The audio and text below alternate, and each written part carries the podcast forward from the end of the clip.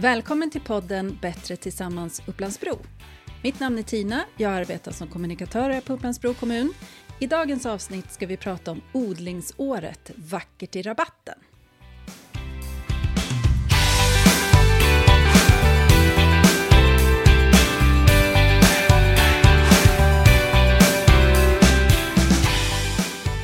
Välkommen Lina Bergqvist, parkförvaltare.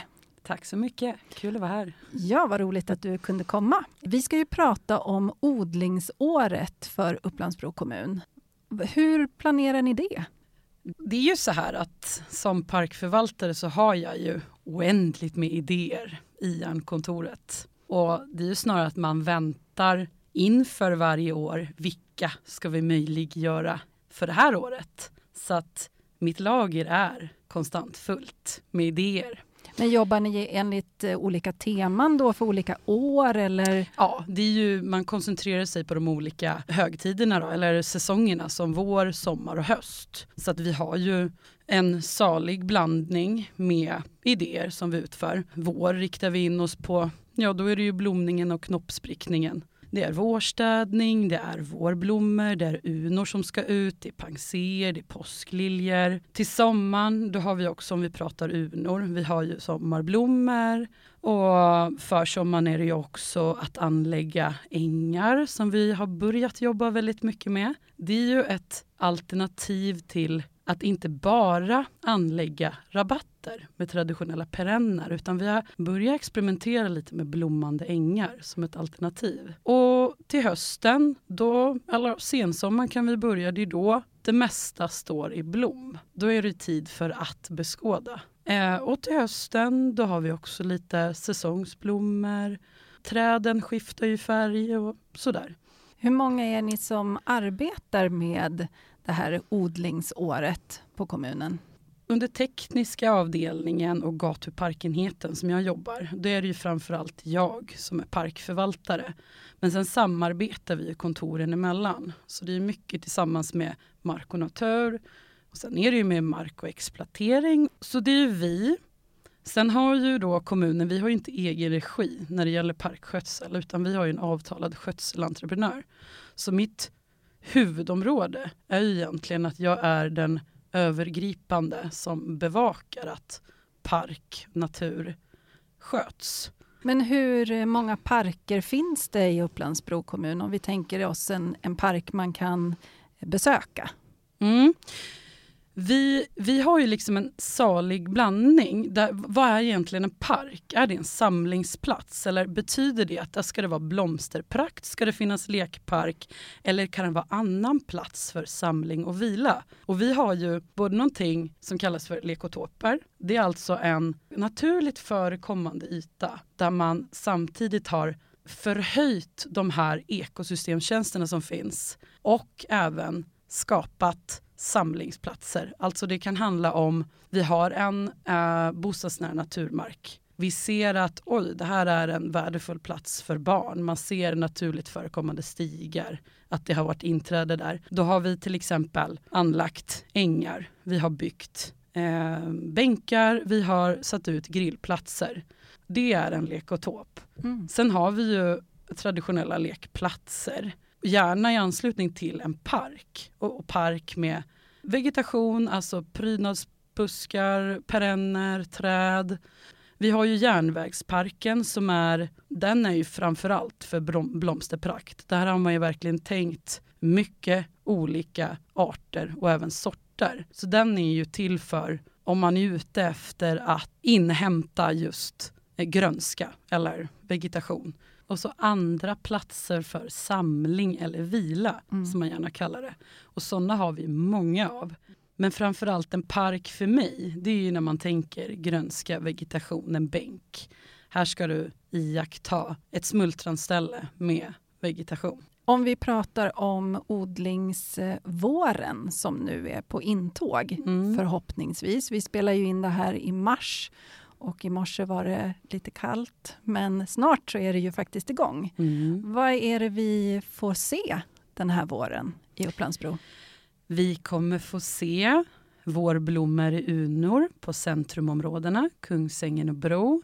Vi kommer få se blommande körsbärsträd på Sparresväg till exempel. Vi kommer också kunna se eh, stödsådd på kommunens blommande ängar. En satsning ifrån förra året, i speciellt Bro. Det är ett samarbete med Omdaning Bro. Då. Om du förklarar vad mm. stödsåddning betyder? Det betyder, ja, det betyder att du... För förra året så anlade vi flera blommande ängar. Det var schaktningsjobb, bort med gräsvål, dit med jord. Faktiskt komma på och skapa egna fröblandningar, för det har vi gjort. Mm -hmm. Upplandsbroblandningen? Eh, kan man kalla det. Ja. Den har inget namn. Det är att vi har komponerat själva, men det är väldigt kul och det blev väldigt bra. Så det här är år två inom satsningen. Och eftersom att vi valde fröerna med omsorg, det vill säga inte bara flerårigt eller inte bara ettårigt, så kommer många arter att blomma även i år. Men ettåringarna behöver man stöd så. Ah, så då sår man liksom över igen? Ja, precis. Och så På... blandas de upp en, en ja, gång till? exakt. Härligt. Precis. Vi kommer att få se blommande äppelträd i Finstagårdsparken som vi för övrigt Många vet inte det här, men det finns faktiskt en landskapsäppelpark i Finstagårdsparken. Jag tänkte faktiskt mm. fråga om det, för mm. det lät ju jättespännande. Ja, den anlades innan jag började arbeta här. Så jag skulle säga 2018. Och 2019 stod, de klar, stod den klar, för vi fick invänta resterande sorter. Den är ju ung, så det är ingen större skörd som ges än. Men vår förhoppning, och vi ska samtidigt se över möjligheten, för man behöver renovera lite växtbäddar på platsen. Eh, om man kan ta ett krafttag och göra det till ett besöksmål, för det tycker jag att det egentligen är. Så många landskapsäppelparker känner inte jag till. Nej, mm. verkligen inte. Mm. Och jag tänker på, nu kanske det är för tidigt då, som du säger, den är ungen så länge. Mm. Men sen när det börjar att bli äpplen på de här träden, vad mm. kommer man göra av äpplena? Tanken är förtäring till allmänheten. Vi har in, i dagsläget ingen annan plan på att man ska återbruka eller sådär. Eh, så till allmänheten att förtära helt enkelt. Härligt, mm. det ser vi verkligen fram mm. emot. Mm. Om vi går tillbaka till eh, våren då. Hur många eh, blomsterlökar planteras egentligen i kommunen på ett ungefär? Mm. Eh, förra året så planterade vi faktiskt inom projekten, exploateringsprojekt, där har vi nästan, det är nästan ett krav skulle jag säga, i parkerna. Vi vill alltid ha någon form av blomsterlök. Vi vill ha tidig blomning och då är det ju lök framför allt. Eh, på befintlig kommunal mark då, där har vi inte planterat några lökar senaste året. Däremot så tittar jag på, för att vi gjorde ju succé i Brocentrum 2020 när vi planterade hur många tusen lökar tulpan i rabatterna.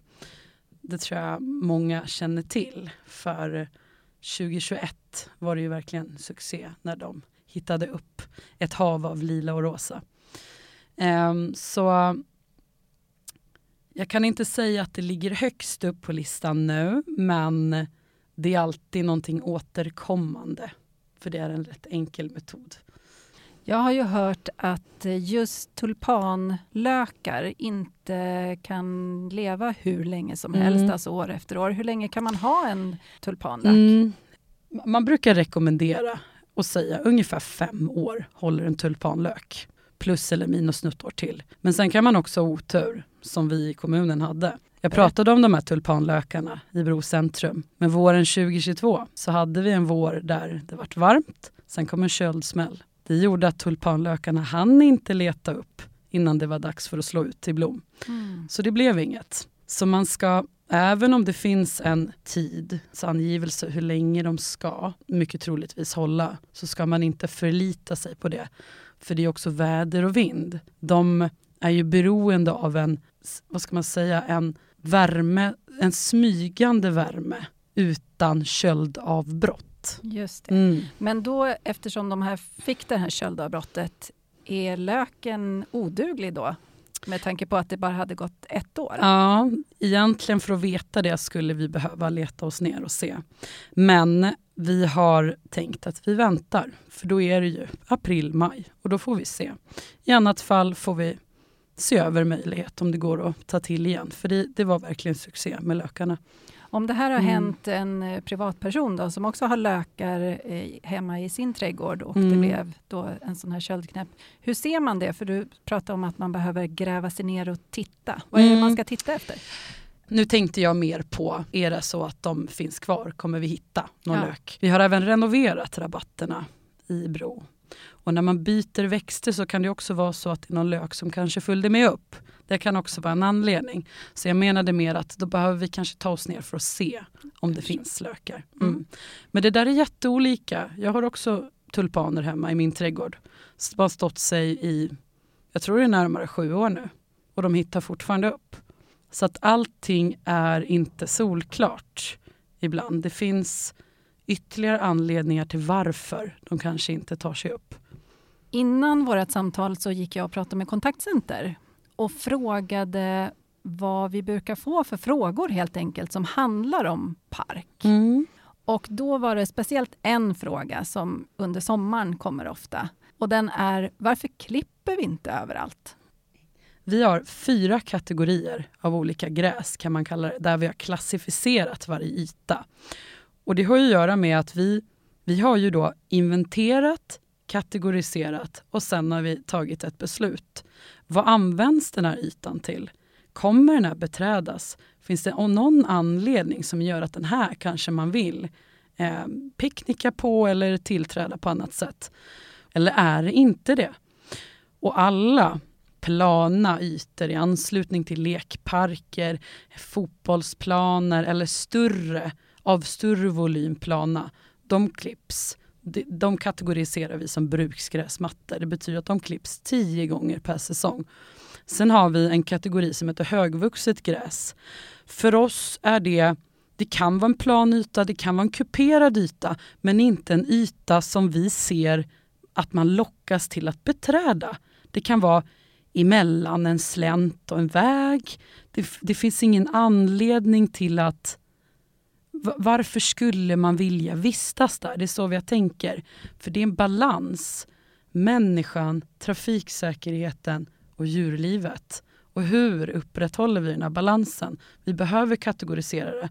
Vi behöver eh, eh vi, vi, behöver samtidigt som vi tillmötesgår allmänheten tillmötesgå djurlivet. Och det gör man bäst med att inte klippa tio gånger på all, alla kommunala gräsytor. Vi har ängsmarker där vi satsar på blommande ängar. De slås en gång per säsong och samlas upp. Och det är viktigt, för där måste allting få blomma ut. Och så ska det få frö av sig för att nästa år också stå i blom. Så att vi, vi inventerar, kategoriserar, funderar ut funktion för varje plats. Sen sätter vi klassning på dem. Hur och varför ska den här användas?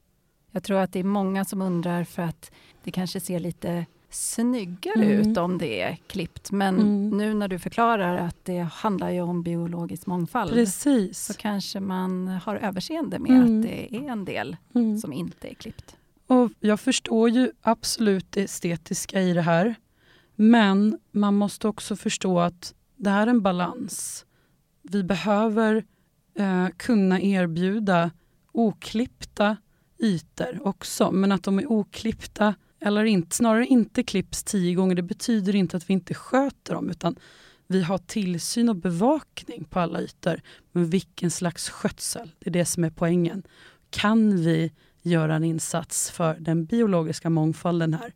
Om man utesluter, det är ingen som vill picknicka här. Det är ingen som vill spela boll här. Det finns ingen anledning till att beträda frekvent. Ja, då kan det få vara en äng till exempel.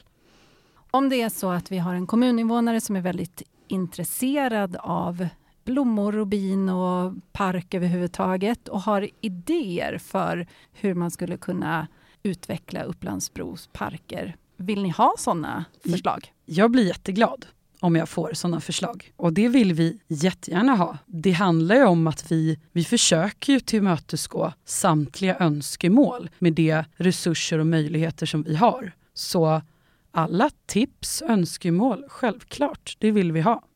Och då hänvisar vi alla er till kontaktcenter och så förmedlar de till dig då? Precis. Är det någon nyhet som ni inte har odlat förr som kommer i år? Mm, det är det. Där gamla Norrgrinden låg förskolan så håller i detta nu, eh, det är start på fredag faktiskt, att anläggas en återbrukspark, kallar vi det för. Med lätta åtgärder kommer tillverkade av kommunens arbetsmarknadsenhet och så kommer vi så blommande rabatter. Återbruksparken kallas den för. Och då, då, tar man sånt som vi inte använder och skapar något nytt av? Ja, det är så att riskträd som kommunen har fällt återanvänder vi och gärna bygger någonting av. Det kan vara både bänkar, det kan vara skyltar, det kan vara odlingslådor, det kan vara en sarg, det kan vara lite allt möjligt. Och så också gör vi i den här återbruksparken. Där bygger man odlingslådor och sen så sår vi blommande ängar. Också med den här egenkomponerade blandningen.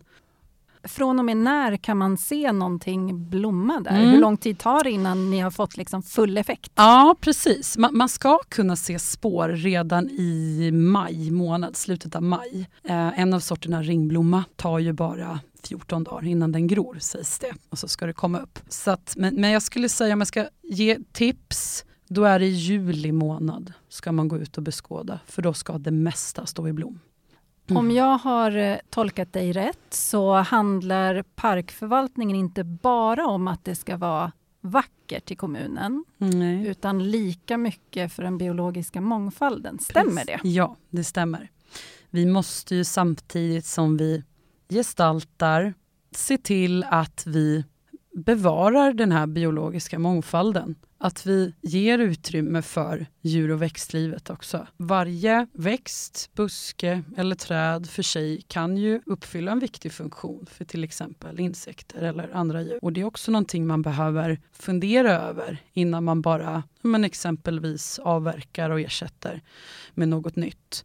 Det finns alltid en, en men tänk på innan man bara gör om och gör nytt exempelvis. Vilka arter hyser den här trädet exempelvis? Eller vilka fåglar häckar här? Eller är den här arten någonting som drar mycket fjärilar? Och så vidare och så vidare. Så det, jag anser att det inte bara estetik, självklart ska det vara vackert och du ska kunna njuta och se blomsterprakt.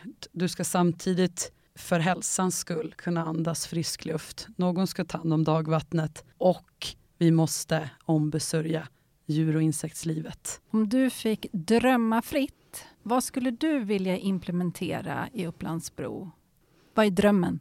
Vi pratade park. Vad är en park? Och vad har vi i kommunen? Jo, vi har en salig blandning. Olika slags platser för samling. Jag skulle faktiskt vilja anlägga fler parker med fokus blomsterprakt. Ja, men jag ser framför mig, jag vet själv, jag är ju uppvuxen i Enköping. Och jag vet ju själv det här att sätta dig vid bänken och bara iaktta den blomsterprakten i de parkerna som finns där. Jag skulle vilja implementera lite av det tänket i den här kommunen. Jag råkar ju veta att det kallas för Parkernas stad i Enköping. Ja, precis. Skulle Upplandsbro kunna bli Parkernas orter? Ja, eller något liknande åt det hållet kanske. Som parkförvaltare, jag förstår ju att det finns jättemycket att göra och planera inför den här säsongen när alla blommor ska slå ut och sådär. Men eh, hur ser det ut på vintern för dig? Vad gör du då? Eh, på vintern har vi mycket avverkning, det är mycket slyröjning, det är mycket föryngringsbeskärning. Vi har från december till mars har vi fruktträdsbeskärning. Eh, det är också kontrollmarkutrustningen, alla bänkar, papperskorgar, diverse träkonstruktioner. Så det finns en hel del att göra även för en parkförvaltare på vintern. Vad är det roligaste med ditt jobb? Jag brinner ju för att få implementera, det kan vara bara en ny art och testa. För att det finns ju otroligt mycket information om vilken sort passar var. Man pratar om zoner, man pratar om ståndort. Men det behöver i vissa fall inte betyda någonting. Så jag brinner ju för att inte bara få använda sådana här safeguard och testa fram saker. Jag pratar om att testa att eh, så blommande ängar. Jättekul. Det är en sån här sak som Järfälla kommun är väldigt känd för. Det. Och det är dit vi vill också på något sätt hamna där. Att det ska vara en Instagram, Instagramvänlig plats med höga solrosor och ta en selfie på. Lite kul. Jag brinner också för metoder att sköta om parkmark. Hur, på, på, med vilka, på vilka sätt, med vilken taktik för att bäst ja, men det kan vara rensa, gödsla, eh, att beskära eller inte beskära. Vilken metod är bäst för vegetationen själv? Och med vilka resurser behövs och inte behövs? Det tycker jag är väldigt spännande. Mm. Det låter som ett uh, never-ending jobb. Och det är det. Det är det. Det finns ju inte den rätta, det rätta sättet, utan det finns många olika skolor och det gäller att hitta vårt bästa sätt att ta hand om hela det här uppdraget. Vad planerar ni mer för 2023? Jo, men en ganska så stor grej som vi kommer genomföra det är att vi ska gestalta hela den stora nya lekplatsen Nyckelbergsparken i Brunna. Där saknas det ju vegetation. Så det är vår avsikt att i år kommer vi att gestalta. Det kommer vara perenner, det kommer vara träd, det kommer vara buskar. Både för estetisk, estetiken men också för reglera eventuella ljudnivåer. Är det ett speciellt tema som ska då passa ihop med parken i övrigt? Eller? Inget tema sådär, men däremot så har vi ju såklart en rad av olika faktorer som behöver eh, gås igenom. Att vi, vi ska inte ha några giftiga arter till exempel eller det kanske inte ska förekomma något som släpper frukt på de hårdgjorda ytorna inom lekparken eller i närheten av fallytorna. Men det ska definitivt vara finnas blomsterprakt. Och vi funderar även på, för det är ju en lekplats till barn, något ätligt kanske, men på rätt plats då som sagt. Vad skulle det kunna vara som är ätligt? Det skulle kunna vara äppelträd, bärbuskar. Jag tycker det är väldigt roligt med blåbärstry till exempel, något som är väldigt poppis nu för tiden. Um, så att ja, tankarna är många men vi har inte landat i exakt vad det blir än. Och eh, när kan vi förvänta oss att se ett färdigt resultat? Min förhoppning är i höst att det kommer att vara klart. Men jag hörde att ni hade som mål att eh, förvandla hur många olika ytor till biologisk mångfald? Vi har ett mål är att på tio platser så ska vi värna om den biologiska mångfalden. Och då, ett exempel kan ju vara att man gör om ytor till äng. Ett annat exempel kan vara att här så planerar vi för att renovera en rabatt. Och då kan man se till att man väljer eh, fjärilsvänliga arter. Det kan också vara, det kan också vara att man att man avverkar en art för att ge plats för en annan. Det, det, kan vara att man kompletterar med fler arter. Det kan vara allt möj på alla möjliga olika sätt man gör det. Men det är också ett uppdrag som vi har. Jag vet att vi ofta mm. får frågor om varför man lämnar träd eller mm. grenar där man har avverkat. Mm. Ibland kan det vara en arbetsmiljöfråga men ofta så beror det på att en död stam är ju en, ett insektshotell, alltså en, en, ett ställe eller en plats för hys, eller vad ska man säga, för insekter att ta fäste. Um, ja, men så kallat insektshotell blir det. Och då ligger det kvar för all framtid eller är det bara för en viss tid innan mm, man mm. plockar upp? Nej, det ligger kvar. I de fallen där vi lämnar kvar att man lägger upp stam som död ved, heter det då. Det är för alltid. Men som jag nämnde att vi noga, vi gör en noga avvägning. Är det här en passande plats? Absolut inte i närheten av den enskildes fastighet eller sådär. Ofta brukar det vara mitt i skogen där den inte kan vara en olägenhet för allmänheten. Utan då är det också ett strå för den biologiska mångfalden återigen. Just det. Tusen tack Lina Bergqvist för att du kom till våran podd och pratade om odlingsåret i Upplandsbro. Tack så mycket.